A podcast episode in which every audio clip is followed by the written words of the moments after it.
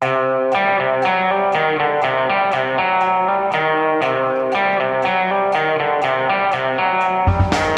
Kristiansen får gjenopptatt Baneheia-saken. Dette er Giæver og gjengen. Det er torsdag den 18. Eh, februar. Ja, Øystein Milli, VGs eh, krimkommentator. Du er i eh, Kristiansand, hvor det ble kjent for et par timer siden at Gjenopptakelseskommisjonen altså mener at Viggo Kristiansen har rett til å få gjenopptatt uh, saken sin og dermed kan bli kvitt drapsdommen fra 2001. Og det var en delt kommisjon, dette? Ja, det var det. Det var jo en så delt kommisjon som du vel kan få det når det er fem medlemmer. fordi at det var tre medlemmer som mente at det er grunnlag for gjenåpning, og så var det to medlemmer hvor den ene er leder, Siv Hallgren mente at det ikke var grunnlag for gjenåpning. Så det er en så splitta kommisjon som du kan få det. Tror du det er grunnen til at det har tatt så lang tid? Det er helt sikkert en del av grunnen. Det har vært, eh, og det ble vel sagt fra Hallgren i dag også, at det har vært eh, det har vært eh, mange diskusjoner, og så fikk man nok et problem når covid-19 slo til, som gjorde at man ikke syntes at denne saken egna seg til å diskuteres over Teams og andre digitale løsninger. Så man fikk nok et stopp i behandlinga da, i påvente at man kanskje skulle få enklere fysiske forhold. Og så har man, som Hallgren sa, jobba aktivt med denne saken fra oktober 2020, og så kom det da en avgjørelse på Eh, over 300 sider i dag, og det sier jo litt om at man, eh, man har ikke tatt lett på oppgaven. Og Hvilke bevis er det eh, kommisjonen da mener ikke holder, som gjør, som gjør at Viggo Kristiansen da etter alle disse årene får gjenopptatt saken? Det er jo disse bevisene vi har hørt ganske mye om de siste årene. og det er jo For å begynne med det ene, så er det jo da dette DNA-beviset. og Der er det jo eh, sånn at man eh, ja, På et tidspunkt så ble det jo fremstilt som om man hadde et fellende DNA-bevis mot Viggo Kristiansen. Det er jo eh, helt beviselig feil. Eh, det, og, det, og det, ble ikke, men det ble ikke heller frem, eh, presentert for retten. Det, det var en feil man avklarte før man kom så langt. Men i retten så var det jo da denne spanske DNA-analysen som har fått en del oppmerksomhet, særlig da ettertid. hvor man konkluderte med at det var funnet noe DNA-materiale, DNA-spor, eh, som kunne stamme fra en mann. Eh, og at dette var et DNA-materiale som 54,6 eh, av norske befolkning, eller unnskyld, av norske menn var i besittelse av, deriblant Viggo Kristiansen. Og at, og at det da var et slags, ikke noe sterkt bevis på noen vis, men, men allikevel et moment som pekte mot at det var to gjerningsmenn, og at han var den ene. Eh, og, da peker, og, dette mener jo da flertallet er nøytralisert i dag etter nye analyser og nye vurderinger som har kommet til de siste årene. Og så mener man da at det igjen leder til at man må se på det såkalte mobilbeviset. Det handler om basestasjoner og hvor Viggo Kristiansens telefon befant seg, og en strid om den kan ha vært på åstedet eller ikke. Eh, eh, det er flere eksperter som mener at den basestasjonen som den var knytta opp til, ikke dekker åstedet. Det er det flere som er veldig tydelige på. Men fordi at da dette DNA-beviset eh, blir nøytralisert litt, eh, så mener flertallet at da må man se grundigere og vurdere DNA, unnskyld, mobilsporet grundigere. Og det står sterkere, ikke, ikke sterkere mot Viggo Kristiansen, men at det blir et viktigere bevis å vurdere når det ene faller en, en del i, i verdi. Og så er det da det siste som har vært viktig, og som er viktig, og som man er både litt enig og litt uenig om i kommisjonen, det er jo da Jan Helge Andersens politiforklaring. Eh, og tanken på om den, hvor troverdig han er. Eh, og der er det, mener jo flertallet at, at, den troverdigheten hans er såpass eh, diskutabel at, at, det momentet spiller inn. Eh, og at man da har kommet til at i sum så er det såpass eh, usikkert eh, hvor hvor denne saken hadde endt i dag, med de nye momentene og den bevissituasjonen man i dag har, at flertallet mente at saken skulle, eller skal gjenopptas. Og det da ble avgjørelsen i dag. Betyr denne konklusjonen at i så fall, altså hvis Viggo Kristiansen er uskyldig, så har Jan Helge Andersen eh, stått alene bak eh, drapene og voldtektene? Ja, Det er jo et spørsmål man må vurdere. Altså, Politi og påtalemyndighet mener jo fortsatt ikke det, for de mener jo at Viggo Kristiansen var med. Eh, og Viggo Kristiansen fortalte også i, i avhør innledningsvis at han ikke trodde Jan Helge Andersen eh, kunne være aleine om det. Men Men så mener man jo nå, etter at man har gjort nye eh, Altså ser bevismaterialet på, på en ny og en eh, Ja, kall det 2021-briller, da.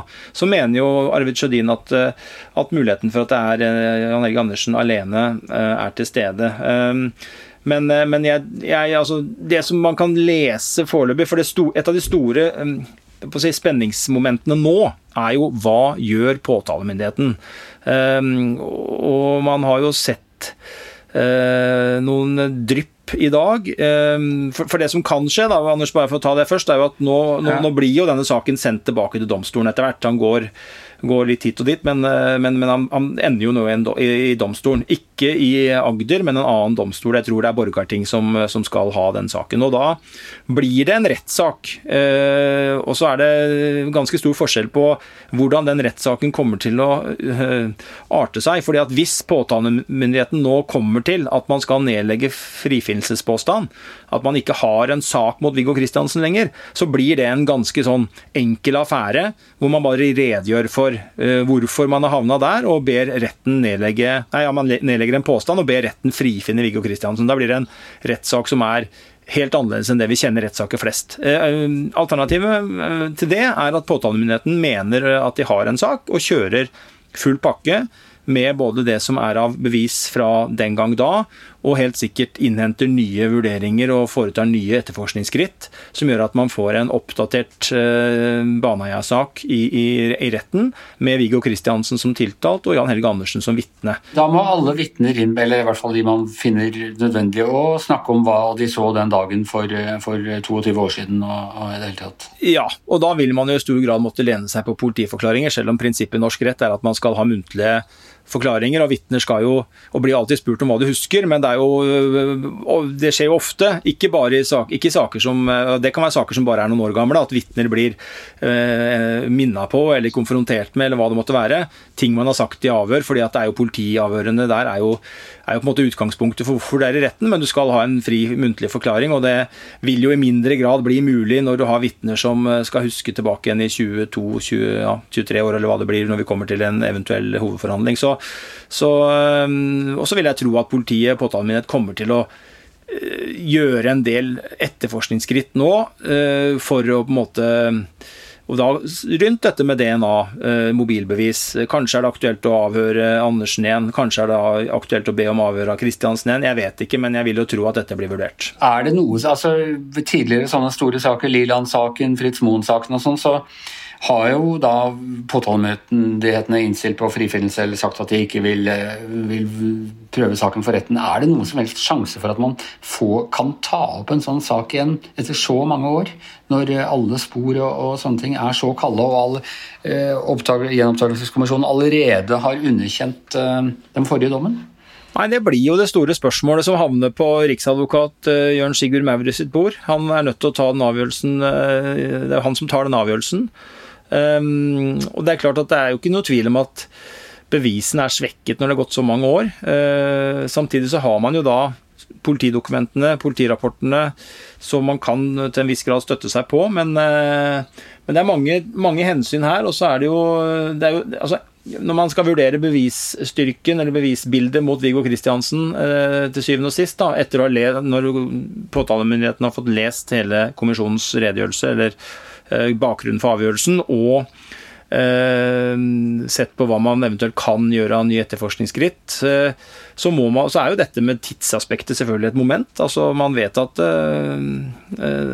ja, bevisene er, er jo svekka pga. åra som har gått. og så må man jo bare treffe en, avgjørelse der, men det er klart uansett utfall så Eh, dette er jo en eh, betent sak på mange måter nå, og den er jo ikke blitt noe mindre betent etter at man da fikk en eh, splitta kommisjon i dag. Og så vil det helt sikkert, uansett hva påtalemyndigheten avgjør, bestemmer seg for å gjøre, så vil det jo være folk som er veldig uenig i at de kjører en ny rettssak, kanskje, og det vil være folk som er veldig uenig i at man eventuelt legger dem bort. Så, så det blir jo en det blir jo en helt ny eh, et, et, altså Nå blir det en helt ny oppmerksomhet og en helt annet fokus på Baneheia-saken enn det har vært eh, de siste årene. Selv om den har vært eh, oppe i nyhetsbildet jevnlig, så tror jeg det vil bli et helt annet Eh, oppmerksomhet nå. Nå sitter jo altså faktisk eh, Viggo Kristiansen inne fremdeles. Han fikk en forvaringsdom eh, den gangen. Kriminalomsorgen har vel sagt at han ikke er klar for å slippes løs. Blir han da overført i varetekt igjen, eller hva, hva skjer med han nå? Altså, Dommen er jo ikke oppheva. Det som er skjedd, er at saken er gjenåpna. Og vi fikk jo en høre fra statsadvokatene i Agder i dag at de ikke vil eh, begjære ham løslatt. Så Det betyr jo da at eh, påtalemyndigheten mener at han fortsatt skal sitte på Ila. Eh, og Så vet vi ikke noe om hvordan Viggo Kristiansen stiller seg til det. Det er jo Eh, det er jo det å si, Anders, at det er ganske lite informasjon som har tilflytt oss i løpet av dagen fra de ulike partene. Det er korte pressemeldinger og noen ganske korte statements fra, fra noen.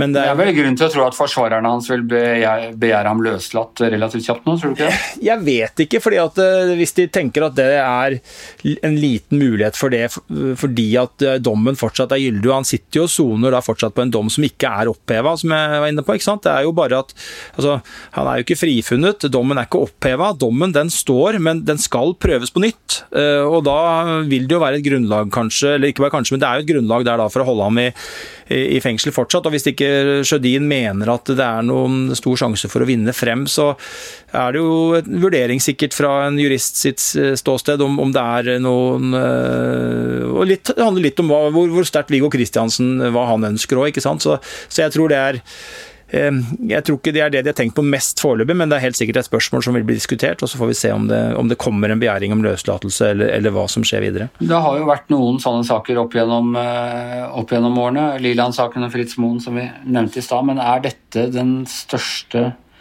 rettsskandalen nå, hvis, øh, hvis det ender med at uh, Viggo Kristiansen domstolene slår fast at han har sittet uskyldig inne i over 20 år? Det er, altså, hvis det ender opp med en frifinnelse, eller ja, ender opp med en frifinnelse, så er det klart at det er en av de aller største rettsskandalene. Og så er det selvfølgelig Eh, like ille for den det gjelder. Eh, om, du, om, du, sitter i fengsel uh, uskyldig dømt eller uriktig dømt.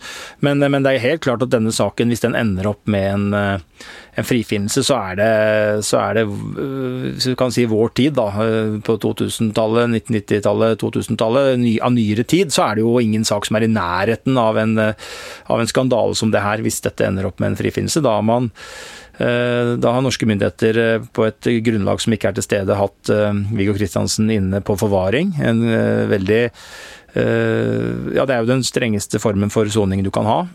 Så det er klart at det er jo vanvittig hvis det, hvis det ender der. Og det gjenstår jo nå da å se hva, hva som skjer videre i denne saken. Eh, vi har venta lenge på at kommisjonen skulle avgjøre, komme med en avgjørelse som jo gjør at man kan ta et neste steg, eh, uavhengig av hva det steget måtte være. Og nå kommer jo endelig avgjørelsen, og det tror jeg er bra. Sånn at man kan jobbe seg videre gjennom denne saken. For man må jo til en konklusjon, en endelig konklusjon på et tidspunkt, og det var på tide å på en måte få unna kommisjonens vurdering nå, sånn at man kan eh, se videre på hva som skal skje. Dette er jo fortsatt et nasjonalt traume, helt uavhengig av skyld og, og ikke skyld og hvem som har gjort hva. Så er jo dette en av de verste drapssakene.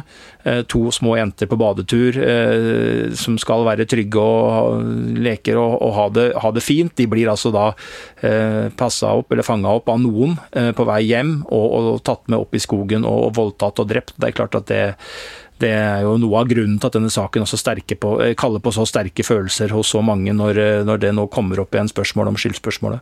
Du dekket Orderud-saken da denne saken eh, gikk for retten, men du, du, har jobbet som journalist i hele denne perioden, og det har gått mange år. Har vi i mediene grunn til å se på hvordan vi dekket den saken? Ville vi dekket den på den måten nå? Ja, Vi har jo absolutt grunn til å se på vår egen dekning av denne saken. Jeg var, som du sier, Anders, ikke i Baneheia Baneheia, eller på, i Kristiansand og på Baneheia-saken den gangen. Men, men, eh, men, det er klart at jeg tror den vil bli dekket helt annerledes i dag. Uh, uavhengig av at vi nå Eh, vet fasiten fra Gjenopptakelseskommisjonen, så har journalistikken endra seg veldig mye i løpet av disse 20 årene. Og også krimjournalistikken har gjort det. Man er mer undersøkende og kritisk. Og jeg er ganske sikker på at man ville ha fått eh, en mer nyansert dekning. Og så tror jeg også man ville ha vurdert og gått litt tettere på, som jo pressen har fått kritikk for, er jo at man holdt tilbake for mange detaljer fra åstedet og handlingene. Og det er jo selvfølgelig et dilemma, fordi at på den ene siden så ønsker man jo å eh, ta hensyn, og man vet at det er støtende for de pårørende først og fremst, men også for allmennheten når man går i for grafiske fremstillinger og beskrivelser av det som skjedde på et åsted. Men samtidig så er jo ofte det som handler om, i hvert fall en del eh, volds- og, og, og drapssaker, så er jo nettopp Eh, dette med hvordan handlingen har skjedd, eh, hva som har skjedd, hvilke spor som ligger hvor, eh, helt sentralt i bevisvurderingen. og Dermed så betyr det at det må behandles journalistisk. Da. Og der tror jeg nok at man ville gjort noen andre vurderinger i dag enn man gjorde den gangen. Det skjedde jo i et spesielt klima. Jeg husker jo vår, vår kollega Jorunn Støland som, som, dekket saken, måtte stå skolerett i retten fordi hun hadde gitt for det man mente var for, for mange detaljer. Så det var Pressen fant seg jo også i et regime den gang som man kanskje ikke ville ha funnet seg i i dag.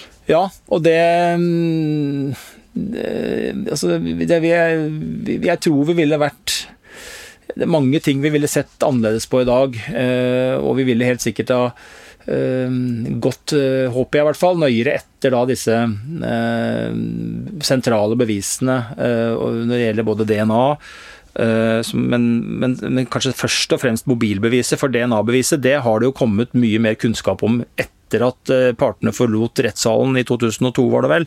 Mens eh, dette mobilsporet det har jo ligget der helt siden eh, saken sto for retten. Og jeg håper jo at det hadde blitt behandla grundigere og blitt mer problematisert og analysert i dag enn det ble den gangen. Ok, Tusen takk til deg, Øystein Milje, som er i Kristiansand. Jeg heter Anders Giæver. Podkasten er over for i dag. Vår faste produsent er Magne Antonsen.